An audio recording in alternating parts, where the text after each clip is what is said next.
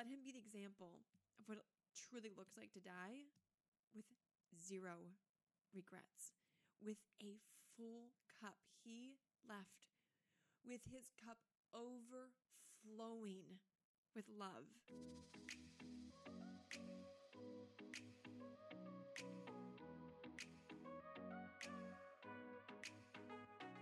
Welcome to a tailored adventure to happiness. I'm your host, Taylor Simpson, mystic, unicorn, motivational speaker, brain nerd, and spiritual expansion mentor. It is my mission to inspire women to shine their light, own who they are fearlessly, and create an abundant AF life doing so. On this show, I cover everything from neuroplasticity, sexuality, to how to tap into different frequencies like money, dissolve unserving beliefs, and get high vibey with fifth dimension goodness. My hopes are to educate you, support you on your path of inner growth and ascension, and even trigger you in the best ways possible. Cheers to living a magical life, and I am so grateful to be a part of yours. Now, let's head in to today's episode.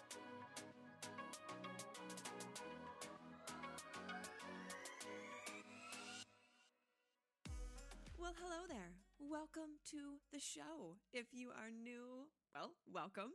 If you are a regular, you know I love ya, I love ya, I love ya. Oh, today's episode is going to be not only so healing for me, but also contain so much wisdom for you. Like, so much wisdom. And I'm going to try my hardest to hold the emotions and honor them um, and get through this as as you can read by the title of the episode i'm going to be sharing five powerful lessons from a purple heart veteran who was my grandfather my best friend like the most amazing man in my life to this day and this episode means so much to me. And I know these lessons are going to mean so much to you. And I am just so grateful to have my grandfather, who just recently passed, his spirit here with me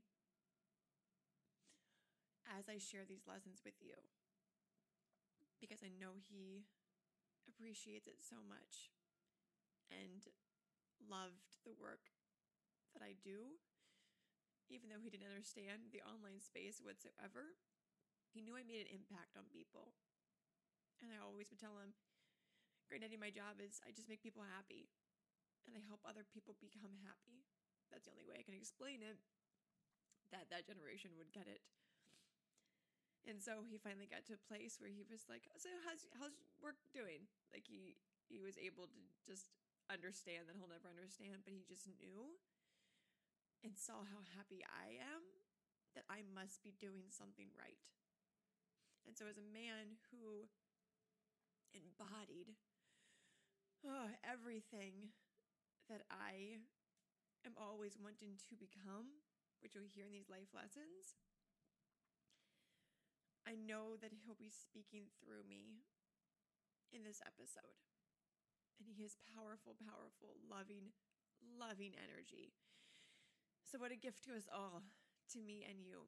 So, I'm going to take a deep breath and I'll meet you on the other side with these powerful life lessons from a 96 year old Purple Heart vet. I'll see you on the other side. Something incredible just happened. Whew, right before I was about to hit record. I closed my eyes. I took a big inhale. And in my mind, I said, Granddaddy, do you want me to share this message? And immediately, on my computer through the speakers, I hear a noise that has never come out of my speakers before. It was like a, a radio signal, a like a loud scratch. And I hear yes. So here we go. Because clearly, clearly he, he's he wants this message to come through. So that's just wow. Can't make that up. You can't make this shit up. so just a little bit about my granddad. If any of you, if you you listen to the podcast but you don't really follow my Instagram stories or maybe you do and you know you just saw my grandfather and you didn't know too too much about him. Um, so just kind of a, a little backstory. He was he grew up in the Great Depression. Um, to an amazing, amazing mother, and she was incredible. Um, and he, you know, worked really hard. It's the Great Depression, and he grew up and made a way for himself and became. Um, at first, he it, had a farm in Virginia. He became a farmer and a huckster. So, if you don't know what a huckster is, he would. Um, it was just you know an hour outside of DC, an hour and a half outside of DC, and hucksters would take in eggs and um, and uh, chickens and and vegetables and all of that into Washington D.C. and set up stands where people um, would come and grocery shop. So that's what a huckster was, and that was what he did for many many years after he got back from um, serving in World War II.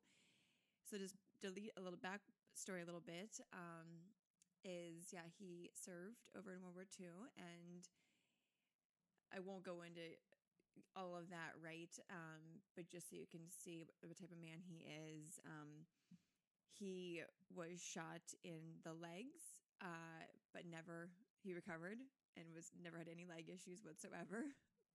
like who gets shot in the legs? Uh, bullet went right through one knee, into the other knee, and back out, straight up. Yeah.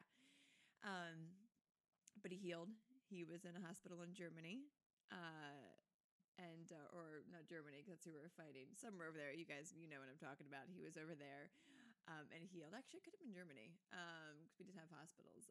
But regardless, um, he received a Purple Heart for his work for what he did um, while fighting in World War II. Um, it says when he came back home and became eventually a farmer and a huckster, and then he became a a um, mail delivery.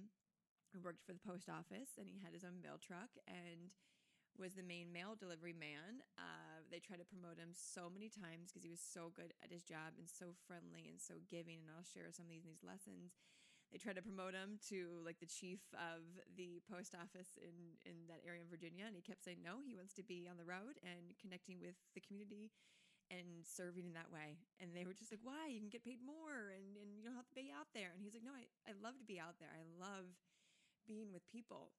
And so we did that on top of being a farmer, and he did that forever and ever until he retired.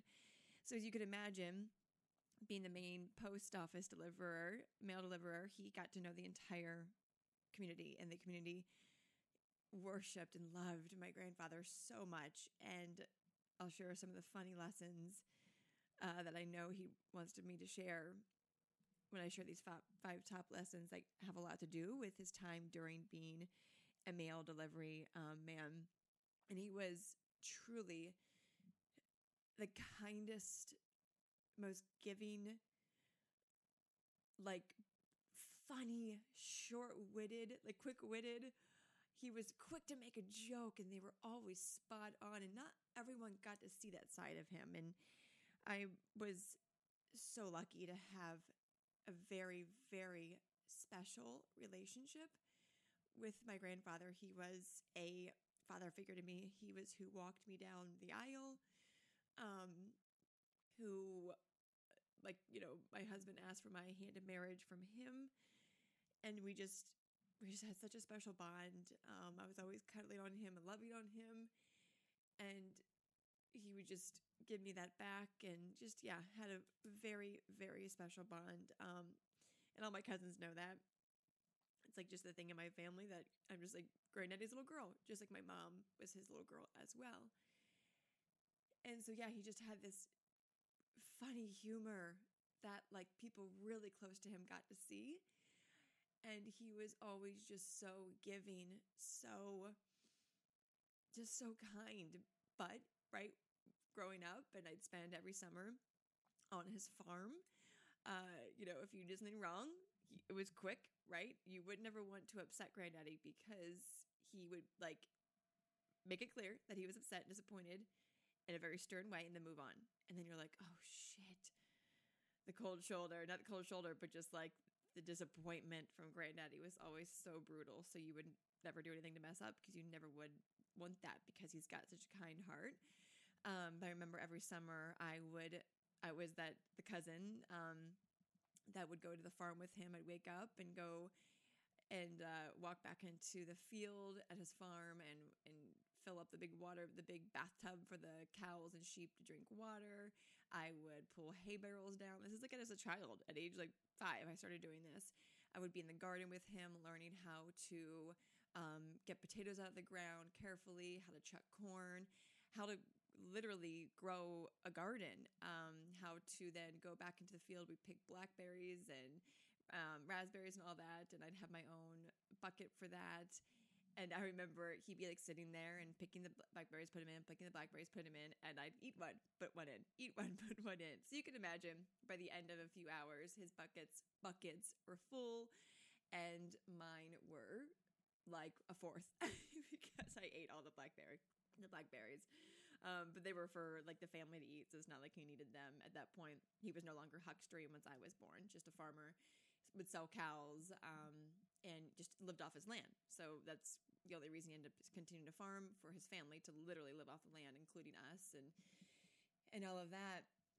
And I learned how to pick, you know, apples out of the apple tree and crack open walnuts and chuck peas and just all these things. I just I remember like always being in his um the like like a tool shed that was actually like a house from like 1800s um, on their land, and we'd sit by the fire stove in there and in this old old shed. It was like an old home.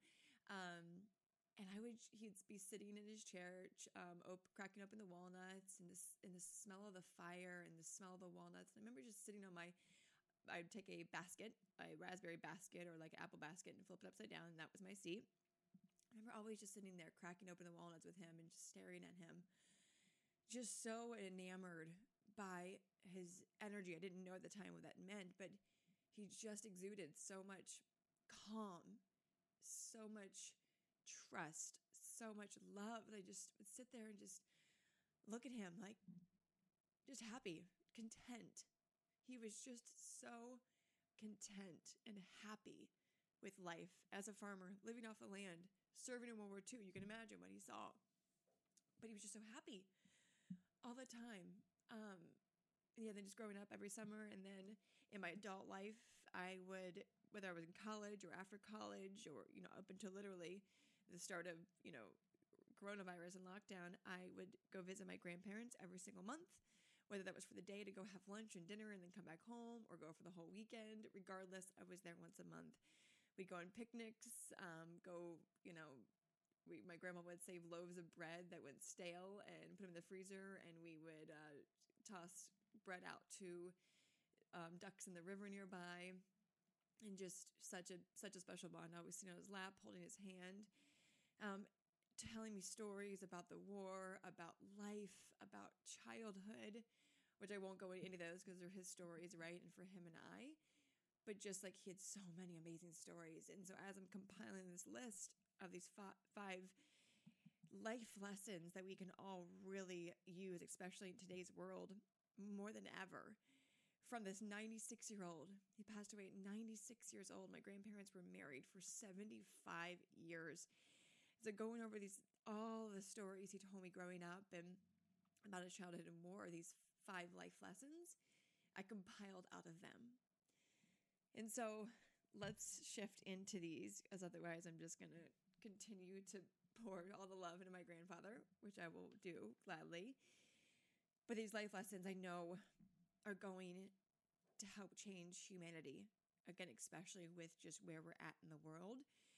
He's been through it all. So these five lessons for someone who grew up in the Great Depression and is a Purple Heart vet, served in World War II, and lived to 96, like beat all the odds. He had prostate cancer. He had heart. He had like a, a stint in his heart. Like this man lived through it all and lived a really healthy, epic life, a conscious life, a very conscious, awake man. So yeah, you can imagine these five lessons are are deep, deep, deep, deep. So let's get to it. Ah, Lesson number one from my grandfather be kind to everyone, no matter their looks or values, how much money they have, their job, how they're acting. Just be kind. For we never know what someone's battling on the inside. And the story that stuck out the most to me, that's going to matter the most in this time, is growing up in his era.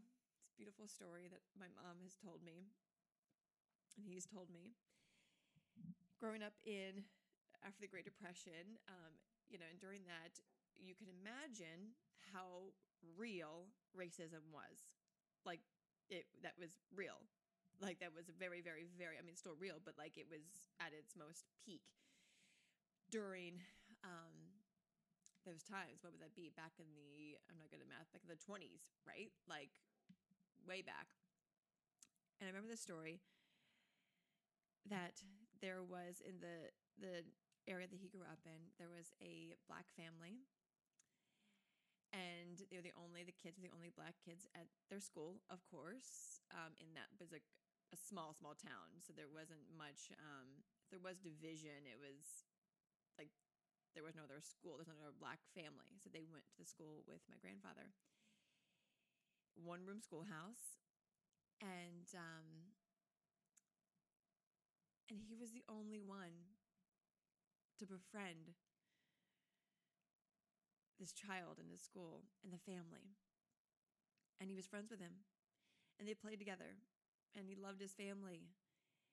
And he just showed kindness when, you know, not long before that, slavery was abolished and people were moving up to Virginia and creating their own space and their own land. Um, and you can imagine how hard it was for that family. And for my granddaddy not to like, he didn't care that they were different, air quote, or that other people were being mean to them. Like he didn't, he wasn't on their side. He was just like, I see you and you're a kind human and I'm going to befriend you. And he was literally the only one to do that. And, and a similar thing happened then in my mom's situation um, at her school. She was, ironically, uh, really one of the only ones to befriend um, this black girl that she told me about in her school as well. And so just you know, my, my granddaddy clearly set the example to my mom of how to treat people, and he was just just so kind. Um, and when it came to his mail route, oh my God, the stories! Like I have a million stories, but I'll, I'll pick one. I'll pick one. I picked one story that really always stood out to me and really became one of my core values and you'll see what I mean. So while my granddaddy was a mail delivery man, people of the holidays and birthdays, all that, would try would try to give him gifts, um, whether that was cookies that they made for just thanking them for. I mean, he would like he would shovel people's driveways in the wintertime, like old women's driveways or women who just didn't have a husband or something, would shovel their driveway from the snow while on his route just to help them out. He would take their mail and, and stick it in their door if he knew that they were out of town and didn't want to leave it in the mailbox. He would he delivered cows. He literally was on a route one time and delivered a cow that he saw was going into birth in a field as he drove by. Jumped out of his car, parked it, his his delivery car, hopped over the fence and delivered a cow. Like this is that was my grandfather. He was always looking for how he can help someone and if anything came up, he would do it. I mean, hello. Like I mean, I literally could give you 20 stories about a minimum. These uh, stories like that. But this one so I think it was Christmas. Um, someone had given him like a five dollar or ten dollar something um, cash as a thank you for his work, and he did not like receiving money. But what he did is he thanked them, right? Because he was humble and he thanked them and was appreciative. But he put it up in his the billfold in his um, car for whenever he needed it. He knew someday he would need it to give it to someone else who really needed it. And so the time came. It was a hot summer day, and he was delivering mail. And this old gentleman, is either old man or old woman, doesn't matter. They were really old. And there, he found out when he was chatting with them that their refrigerator had broke, and so all their food spoiled, and they didn't know what to do with. I mean, these people that lived off the land, they they needed refrigerators and freezers to keep things um, that they took a long time to grow. And so he remembered that he that at the post office back like the break room, um, his boss had gotten a new refrigerator um, a, a few weeks prior that no one was using. He had got it for like the employees, but no one was using it. So he goes back to the post office and he asks his boss, "Can I buy the refrigerator off you?" His boss is like, "What in the world?" And he's like, "Sure, sure, you can buy it." So he buys with the cash that he kept in his billfold that someone gifted him this refrigerator that was really supposed to be for him and um, at the post office, but didn't use it. And so he call he reaches a friend and comes and gets with a truck, or maybe my granddaddy had a, he had a truck. Who knows? Regardless, they get the refrigerator, and who do they go take it to? They go deliver it to the older person whose refrigerator had died.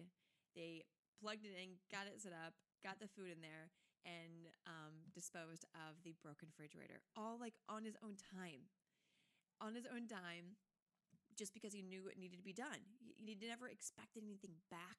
He was always so kind from a place of zero expectations. And so, almost like that's like another lesson within that lesson be kind with zero expectations on receiving something back. In today's world, I feel like so many people are kind, but with our alternative motives. And that's something I've never. I've never understood, and I, I see so clearly why as I'm creating this list of things to share with you. I've never understood that. And I've watched other people do it. And you know, when you see people do things, you're like, I just don't get it. Like, I don't have that in my brain to conceptualize how someone does that, like, always has alternative motives for when they're kind. And that's something that he definitely passed down to my mom because my mom taught me that as well. And so I just innately never grew a bone in my body or a thought pattern, if you want to get sciency with it, that made me do things that were kind with an expectation of receiving something back. And so, yeah, be kind. Be kind just because with zero expectations on what you could receive back from that person. Yeah, people today are just, they're so entitled to if I'm kind, for you to be kind back. And my granddaddy never, oh my God, the kindness that he gave, never would expect something back. But of course, how the universe works, when you're kind, people just are kind back. And so, oh my gosh, anytime, you know, any, my parent, my mom or her siblings were sick, you know, doctors would come over and check on them. Or if my granddaddy needed help, you know, delivering a, a cow to someone who was buying it, that people, I mean, people would always be quick for obvious reasons to help my grandfather if he ever needed anything. And but he never relied on that. He wasn't like, well, let me just like always know people I that owe me. Never, never, never, never, never, never. Until the day he passed, he at his retirement community. Are you ready for this?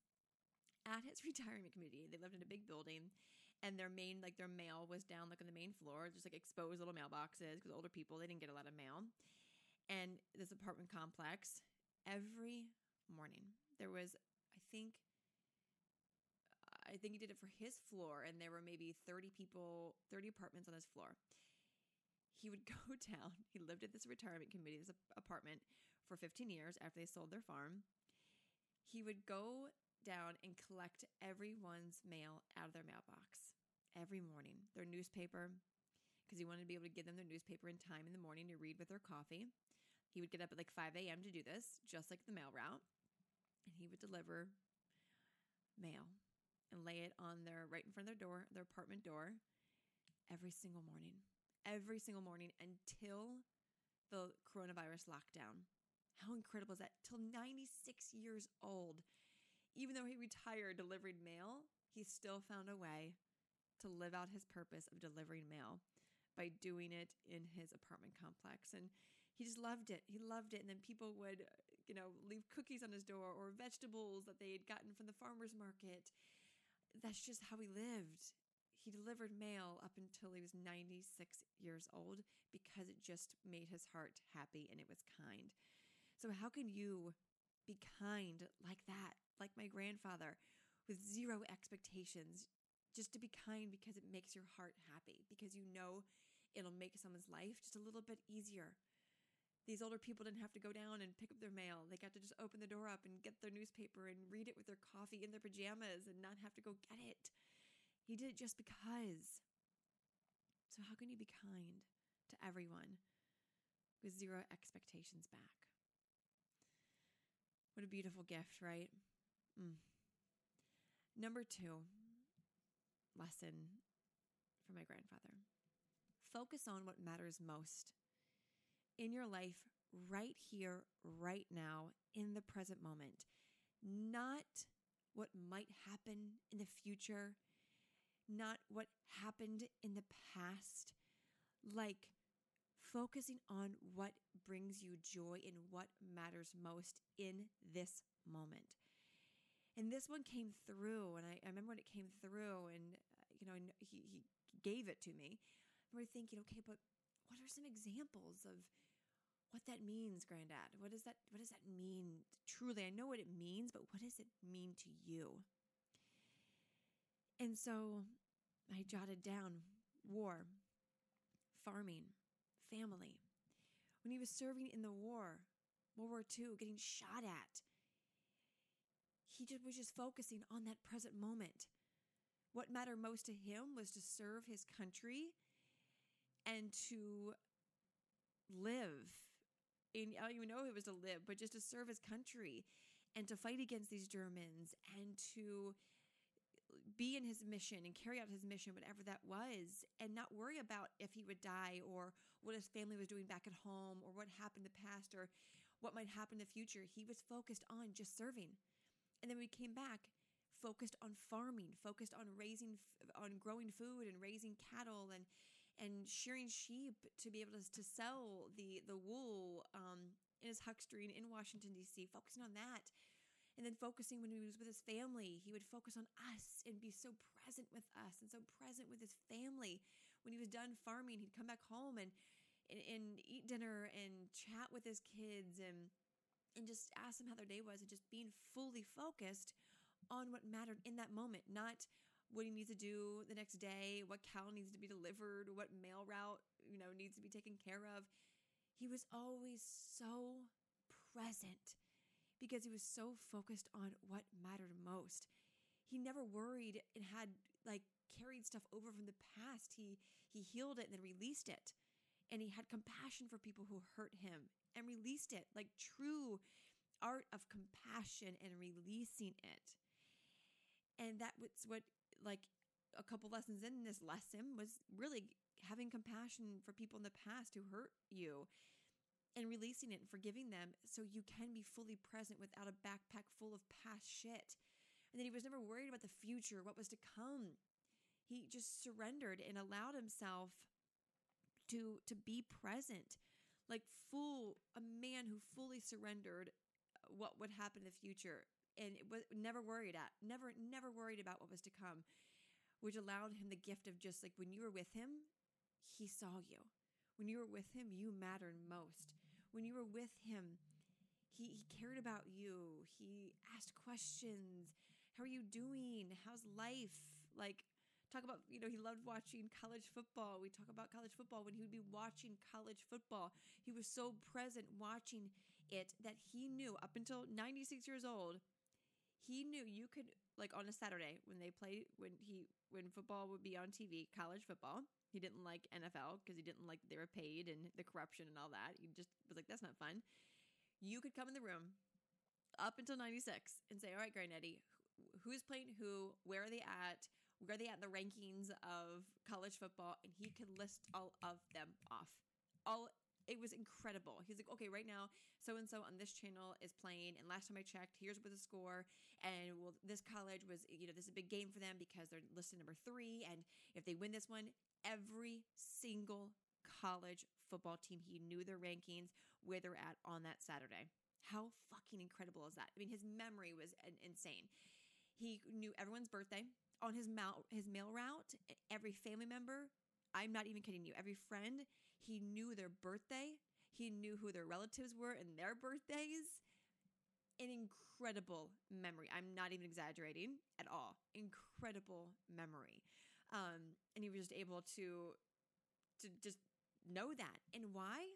Because he was so freaking present in every moment. So when t- someone told him him their birthday, he remembered it because he wasn't thinking about the past. He wasn't worried about the future. He was literally present, listening to what they were telling him, and he was able to remember it. The only reason we don't remember things is because we aren't fully present. So for a man who 96 years old could tell you every football station that was on, what their what their score was, all the way to everyone he's ever known, their birthday, where they were born, who their family is. He wrote an entire book on our um, ancestry on his side. Um, I mean, just uh, like incredible, right? Because he was always focused on what mattered most, the present moment. And what a gift all of us can really use with social media and constantly scrolling and worried about the future and thinking about the past and resentment against other, pe- against other people and, and shame or guilt for something or procrastination, our endless to do list. It takes us out of what matters most, the present moment, where we get to remember things, we get to have the downloads, the clarity, the love, the, the, the gift, and the joy in each moment. So, how can you focus what matters most in your life right here, right now, and give it your undivided attention? Like your undivided attention that he did so, so beautifully, so beautifully, which is why he had the heart that he did. Number three. This one I love this one. And I know he I know when I wrote this one down, he's like, come on, because he was so humble. So number three, be humble yet confident. Ah, and this one makes me emotional because I know this is this is so real.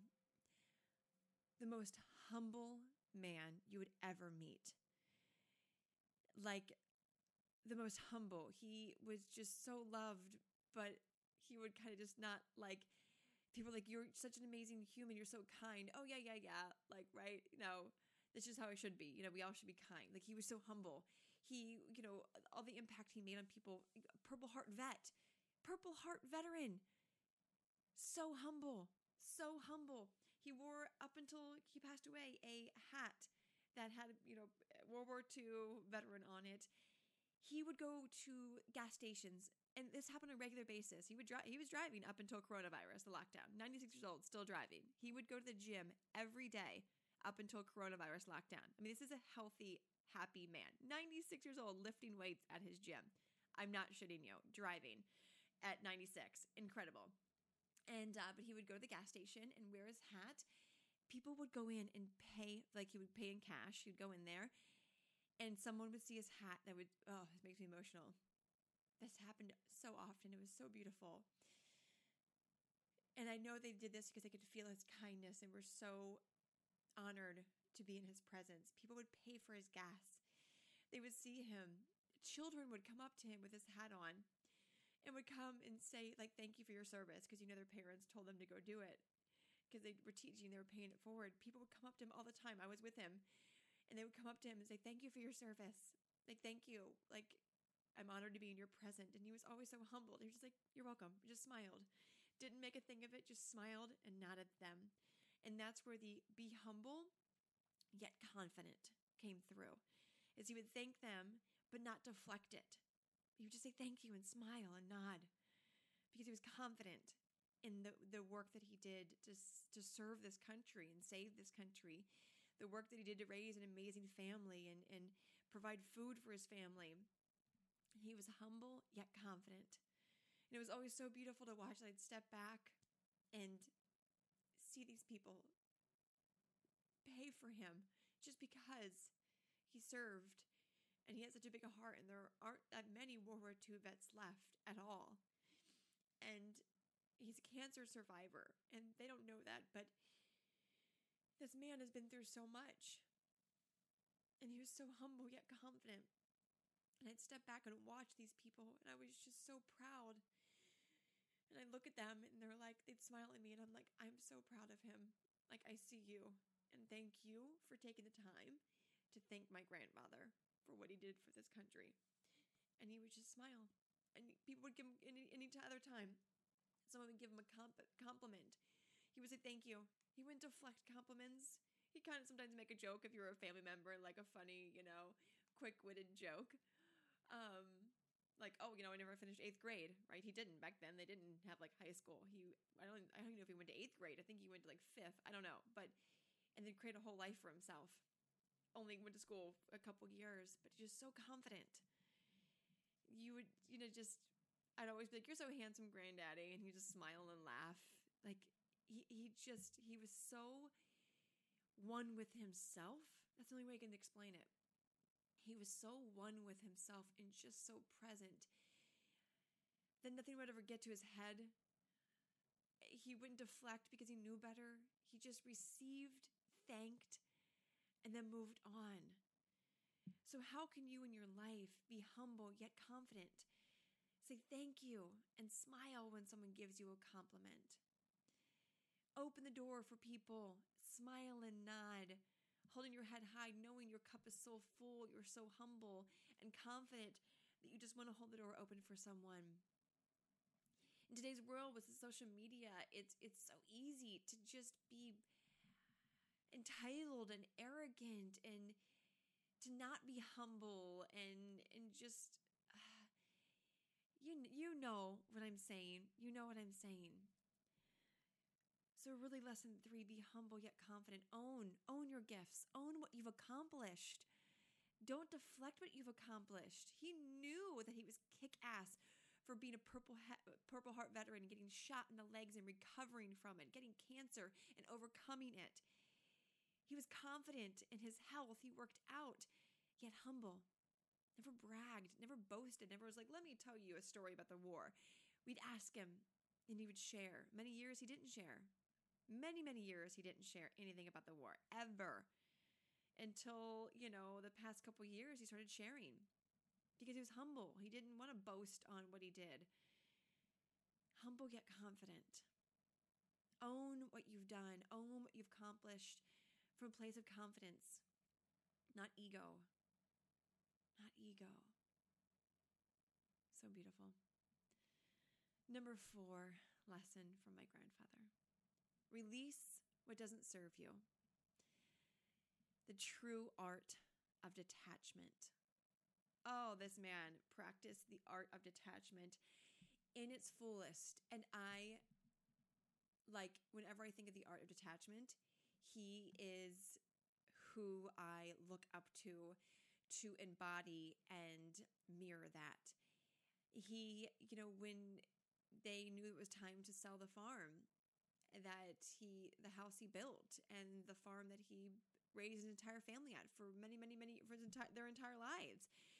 And he knew that it was time to move into retirement community because he just couldn't farm anymore you know just getting older. And the winters were brutal to go out and you know milk cows and deliver cows and all that on many many large acre, acre farm.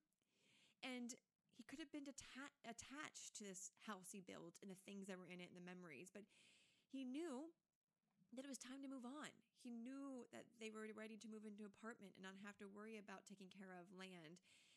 And so he grieved it, but then he released it and he honored it was so grateful for his time at this farm. He was so grateful for being able to be a farmer during that period in his life and for all that it provided for his family and his his livelihood and the, the, the his his mail route, right? He he had to detach from his mail route that he served and all the family and friends that lived there, um, that he got that he got to know and all their birthdays, and so he detached from it and moved on.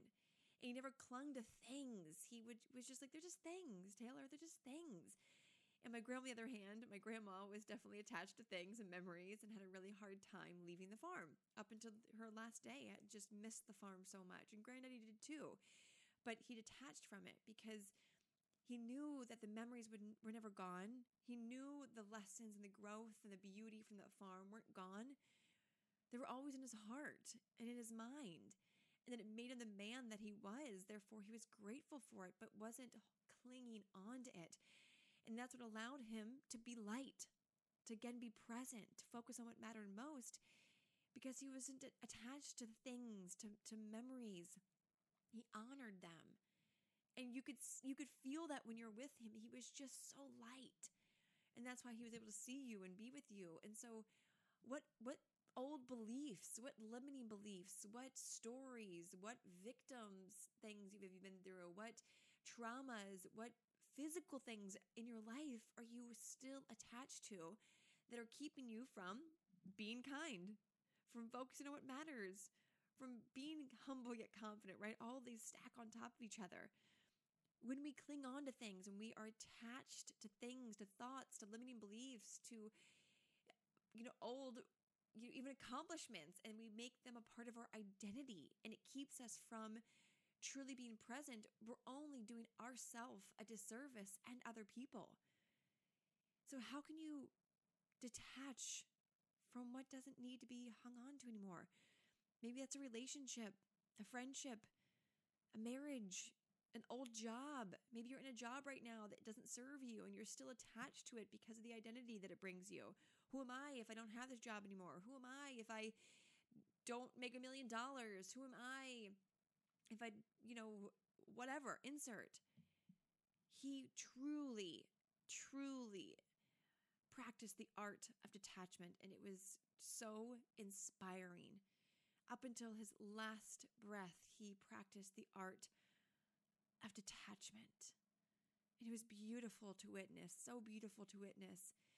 Just a few days before he passed, we moved him from that apartment he lived in, the retirement community, for 15 years. He lived in.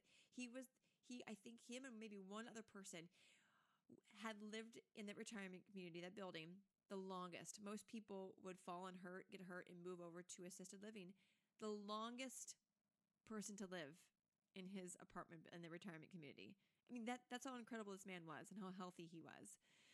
A few days before he moved over to his he had to move to assisted living because coronavirus just the lockdown and everything and I won't go into that really really took away from his health, which just is I makes me very very angry um because people need human touch but again I'm not going to go there and I know he's like I hear him being like don't go there Taylor Art of detachment. Don't go there. Don't cling to what was. Whew, that's coming in strong. Touche, Granddaddy. Touche. As I'm practicing the art of detachment lesson, I'm still attached to my anger for the lockdown and what it did to the elderly, especially him. But that's not what he wants to be remembered for, and I hear him reminding me of that. And so when he moved over into assisted living, that he was there for just a few days, he practiced the art of detachment. He's like, I'm so grateful for the 15 years I got to spend in this building and the staff members just adored him. God, they adored him and he adored them. But he said goodbye and he moved over to assisted living and he detached from that place he lived for 15 years, the friendships, and he was like, this is just what it is. And then he passed a few days later. How beautiful is that, right? Up until his last breath, He practiced the art of detachment. Just being so present, so present and accepting of what was. When my grandmother passed just two months prior to his passing, I remember him just saying, I'm so grateful for the 75, I think it was 75 or 76 years. He's like, I'm so grateful the years we had together. Not a lot of people live that long together. And I'm so, he's always just said, I'm so grateful for the relationship we had. The marriage was so beautiful. The, our friendship was incredible. They were truly so in love. They were like the most in love couple I've ever known.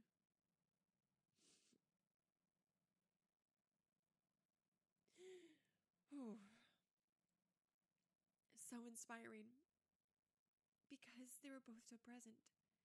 Until his last breath, he he truly was so grateful for the life he got to live. So grateful for the family that he created and our love that he had we had for each other. Up until his last breath, how incredible is that? He didn't have any regrets. Zero. This man died with zero regrets. And that's so inspiring for us all. Zero. A single regret because he was so fully freaking present. And that's what allowed him to have zero regrets and to die a truly fulfilled, healthy, strong, happy man. So, how can you begin to release what doesn't serve you? Because you will die with regrets if you continue to carry around what doesn't serve you anymore the things, the thoughts, the people, the old stories, the trauma. And this is definitely coming through from him because I'm getting my my emotions back as a he's a German, so you know he was like to, straight to the point. And I feel him pulling my shoulders back and saying, "Taylor, you got this." So please take this lesson from him. Release what doesn't serve you anymore. Don't die with regrets. You don't know if you'll make it to 96 like him, or if your marriage will be 76 years like him, or if you'll die healthy and happy like him. So let him be the example of what it truly looks like to die with zero regrets, with a full cup. He left with his cup overflowing with love because he was never empty so incredible. Thank you for that one, Granddaddy. That was powerful. So powerful. Something I'm working on every day. Every day. The art of detachment and releasing what doesn't serve me. Number five, and the final one, and I underlined this one when it came through and I laughed. Number five, the final lesson is stop being so fucking serious and laugh. Laugh more. His laugh, even whether my eyes are open or closed, I can see and hear. So vividly, whenever he would tell a joke or something was fun. He was just, like I said, so quick witted, and not everyone got to see that. I'm so grateful I got to see that part of him. And he would laugh, and his eyes would like light up, and his smile was huge. It would take over his whole face. And he had this beautiful laugh, and he'd look at you like, Are you laughing with me? Because that was really fucking funny. What I just said was really fucking funny and you better be laughing right now. but with like the most humble yet confident look, like he'd like just be like, "That was funny," and whether you laughed or not, he would just belly laugh with this massive smile, with his beautiful teeth and his glowing eyes. He had these piercing blue eyes, piercing blue eyes. They were just incredible, and they would just light up. Time he'd laugh, and when I think about his laugh, I'm reminded to stop taking life so fucking seriously. This man has seen war. He's done it all cancer, heart transplant. He had a machine in his heart to keep it beating, but he always would laugh through it all. He never was a victim to his circumstances or anything in life. He had a very very tough, tough childhood, which again I won't go into. That's not my story to share. All the odds against him. And but he still found humor in everything. Because again, he was so present. Always found humor in everything, even with the idiocy, the idiocy of the lockdown and coronavirus. And I remember him saying on the phone, because I would call him on a regular. And at one point, at the beginning of coronavirus, I know so many of my community members when I shared that my grandparents, which my grandma got put into assisted living because she fell, and then he was in his apartment and they couldn't see each other. And it was because of lockdown, it was so painful. And so many of my community members, when I shared that on my Instagram stories, because I've always shared my my visits to my grandparents every month um, on my stories. So my community has gotten to know my grandparents, and so many people sent letters and drawings and colorings, and it was just oh, it was so he received hundreds of letters and colorings from my community's kids and, and letters from themselves at the beginning of lockdown, and it was he was like, I don't know. It was so beautiful.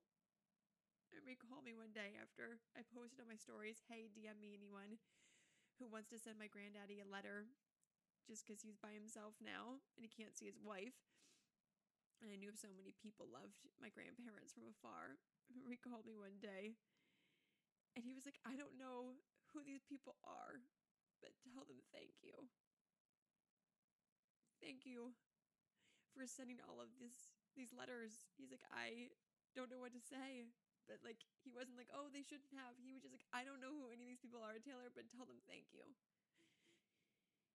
And another point, like he just smiled because he's like, this is just what it is, right? Like I'm in this locked up thing. And I remember one time he joked, he was like, but he also wasn't joking at the same time. Let's be real. He goes, you know what, this lockdown, I feel like I'm in jail. It's actually like jail that's worse than serving in the war, but just like laughed, kind of just like serious, but also like, well, it is what it is.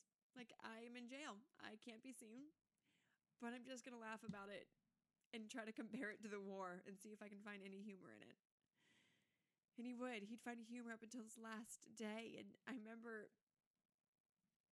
the last time I got to go see him, which was just a few days whew, prior to him passing, I hadn't got to see him for the longest in my entire life um, since lockdown happened in March, I literally haven't seen my grandfather on a regular basis my entire life 33 years up until March.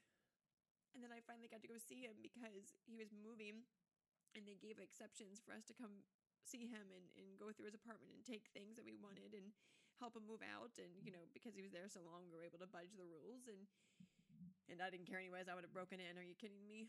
Because once he was going to go into the assisted living that was full lockdown, we wouldn't have been able to even see him. We would only be able to visit through a window. It's insane. I get it. I get it. It's to keep them healthy, but at the same time, I'm just like, oh, that's a whole nother story. But anyway, this is my last visit.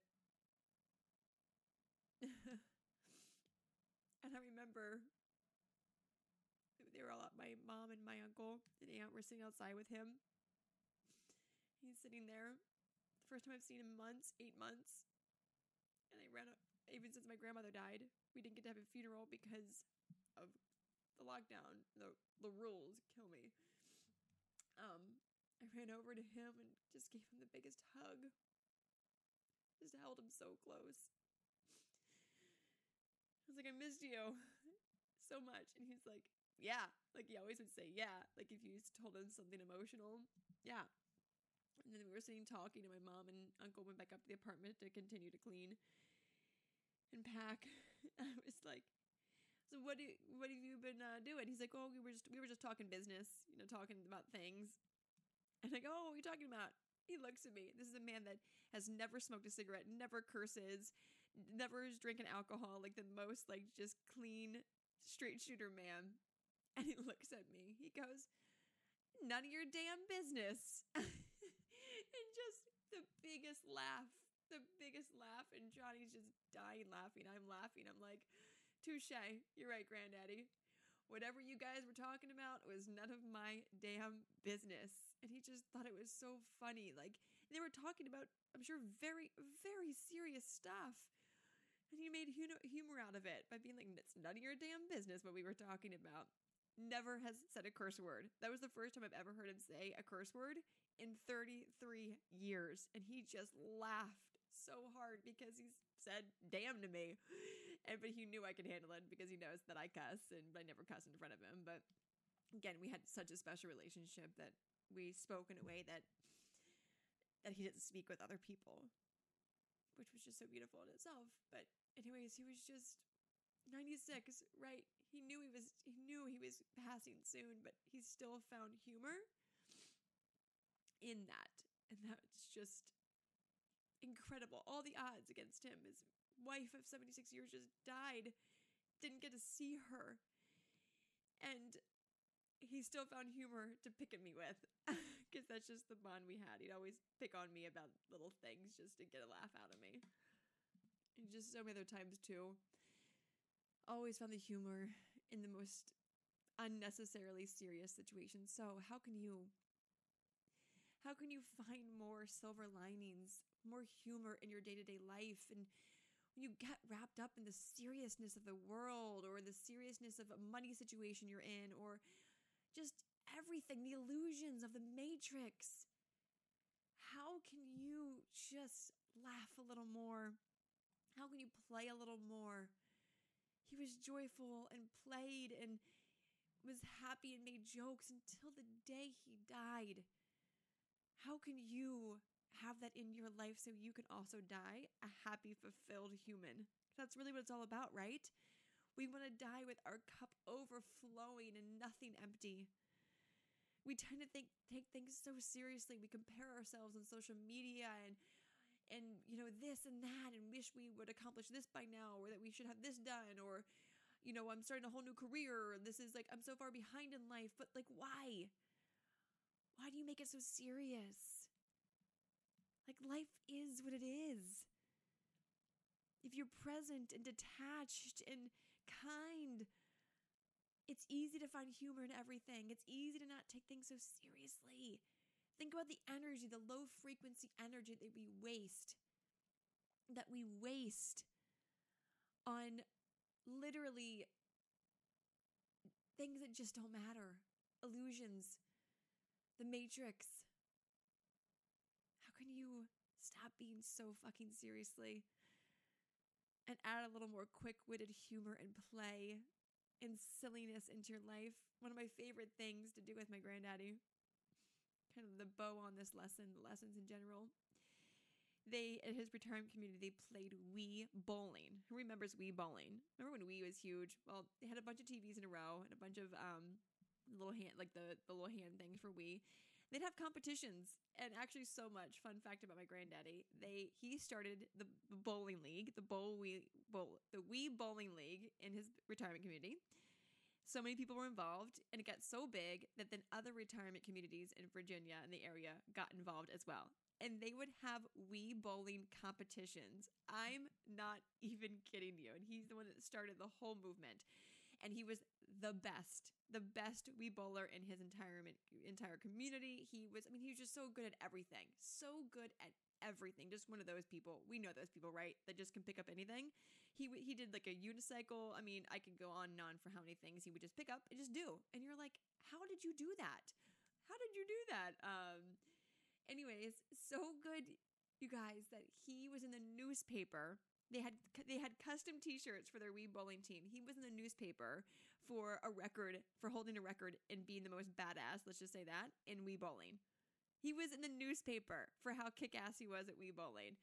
But how fun is that? He started a Wii bowling league and they crushed it, and he was the best. Literally up until the lockdown, he was playing Wii bowling, and every time he would get strike and strike and strike and strike, and would just crush it. But he was so humble. He was just like he would go up and and hit it and walk back to strike and strike and just sit back down and wait his turn. He didn't like cheer. He didn't get overly excited. He just was like, "Yep, I'm just, you know, that just happened. I'm good. Like, what's up? Like, it's not a big deal." He was just humble yet confident.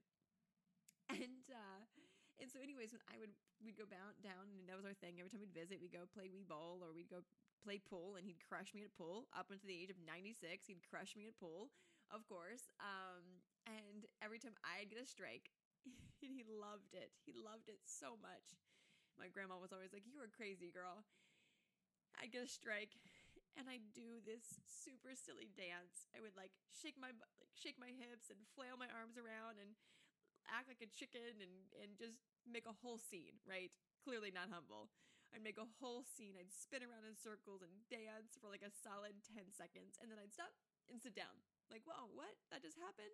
And he just, he loved it so much. And he thought it was the funniest thing ever. And I always would do it for him because I knew that he would, he was so silly that like he saw the silly in me. And that was definitely one of our, our special things about our relationship is how he we saw the silly in each other. That's the only way to see it. Like say it. Like no one I can say this. Like no one was as silly with him as I was and that was such a special bond that we have and that's a trait and a life lesson that I picked up from him years ago and have always applied to my life to just you know this right as a listener you know I'm silly and if you follow me on my Instagram stories you know I'm silly and I would just, he loved it. His whole face would light up and his blue eyes would glow. And he just thought it was a hoot that I would do that. Um, and because he just like, I see the silly in you and you see the silly in me and we get to be silly together and that's okay. Um, so those kind of things like, how can you just be funny and be goofy and dance after you get a strike and we bowling or just randomly like in your home just start being goofy and, and just lighten up. Just lighten up. Because when our frequencies are lighter, what happens? We truly become a higher version of ourselves and attract all of the goodness into our life. You know where that goes. And that's one of my favorite traits that I definitely picked up from him, for sure, from him, is my ability to just be silly and funny and not take things so seriously. And I, am working more on the not taking things so seriously. I'm like 99% there, but other than that, I'm goofy as fuck and I own it. And I'm quick witted and I own it. And I definitely get it from him. So, how can you be silly and goofy? If he could be silly and goofy at 96, you can be silly and goofy now. Oh, such, such beautiful lessons. What an amazing, what an amazing just journey that you and I just went on together through these five lessons. And and they're these are real. These are I mean, I really want to anchor these in. These are five lessons from a 96-year-old Purple Heart cancer surviving veteran who died fulfilled with zero regrets and had a 76-year-old marriage. I mean, yeah. Talk about inspiration. Talk about five lessons that if we apply, I hope to only be as fulfilled and happy as he was. If I can just be a half of him, then I'm feeling good. Just so beautiful. And I, I am I'm so I'm gonna anchor this in for anyone who maybe they've lost their grandparents. I know so many people aren't as lucky as me to have my grandparents last until they're 60, 96 years old. I mean, that's incredible and for them to be healthy no you know no wheelchair. Um like i'm so lucky. But even if you you've lost your grandparents how can you focus on the people in your life that really matters that maybe you haven't been spending enough time with or you haven't been calling? Like even though i didn't get to see my granddad over the past eight months you're damn right i called him on a regular basis. So how can you really cultivate the relationship and love and presence with the people who matter to you most the call of receiving both my grandmother and my grandfather. I was just extra close with my grandfather. Love my grandmother dearly, and she knows that. Um, but I, I, I spent pretty much my life dreading the day that I would receive a call that he passed. And I'd always tell him that. I was like, Granddaddy, you know, you know I'm going to be a mess when you're not here anymore. It's going to happen one day. I'd always remind him. I'm like, it's almost like I just need him to reassure me that he'll come through on the other side. And he'd always just laugh. He's like, You'll be fine. You'll be fine. I'm like, No, I won't, Granddaddy. You're not allowed to ever go anywhere. You can't die. I need you to live until you're like 130. I'd always tell him that. And he's like, I don't want to live that long. You guys don't need me around that long. And I was like, Oh, I do. I do. Selfishly, I need you around forever and always. Especially because whenever my husband and I have a son, he's going to be named Landon. And I've always known that as a, since I was a child. And my granddaddy knows that. And my grandma knows that. But I'd always tell him that because I really did. I I dreaded the most out of every call ever. Like that's how special he was to me. I dreaded this day. So when it happened, this rush of sadness, of course, came over, but it was infused with this beautiful layer of love, of gratitude. Gratitude that I gave my all to the relationship I had with my grandparents. I know so many people, sadly, and that's just a part of their soul contract, have a lot of regrets with people, especially their grandparents who passed. Like, I wish I would have spent more time with them. I wish I would have called them more. I wish I would have visited whatever. But I, one of my whys, truly one of my whys, from making sure that if ever I had a free weekend, I'd go visit them. If I'd ever have a, a few minutes to spare, I'd give them a call. I'd write I'd write letters to my grandparents and draw them, color them like coloring books like all the time and rip them out and give them to mail them. I mailed my grandparents letters on the regular basis. And so when I was able when he when it happened, when the dreaded call came, I had zero regret or guilt in my body. Just pure, pure gratitude for following through with my why. Because I never wanted the day to come when he passed and I think, man, I wish I would have filled in the blank. Not at all.